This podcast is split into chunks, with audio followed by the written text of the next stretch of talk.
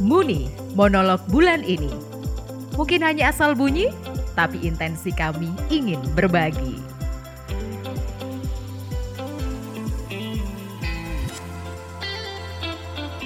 Peristiwa Rosario yang relate sama hidup aku. Itu peristiwa gembira.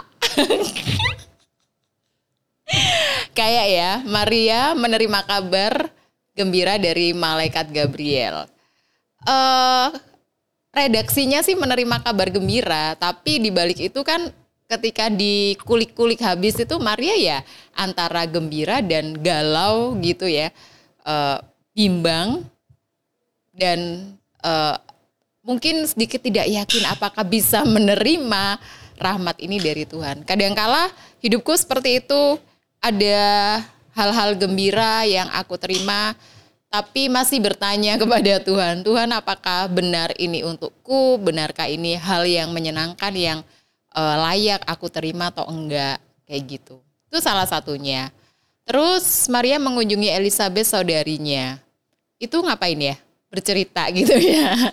Aku nggak punya saudari cewek, nggak punya. Jadi sering datang ke tempat sahabat ya perempuan itu lalu bercerita gitu kali ya. Tapi menceritakan sesuatu yang menyenangkan.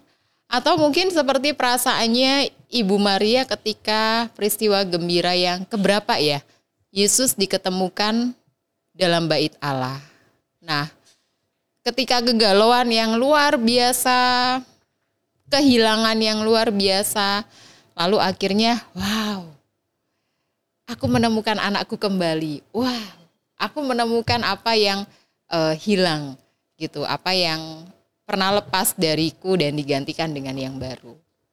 Seperti itu, terima kasih yang sudah menciptakan doa Rosario sama seperti Kevin WL. Semoga ini bisa menghidupi eh, orang-orang Katolik untuk semakin menumbuhkan iman kepada Tuhan. Aku hanya bercerita, semoga suka.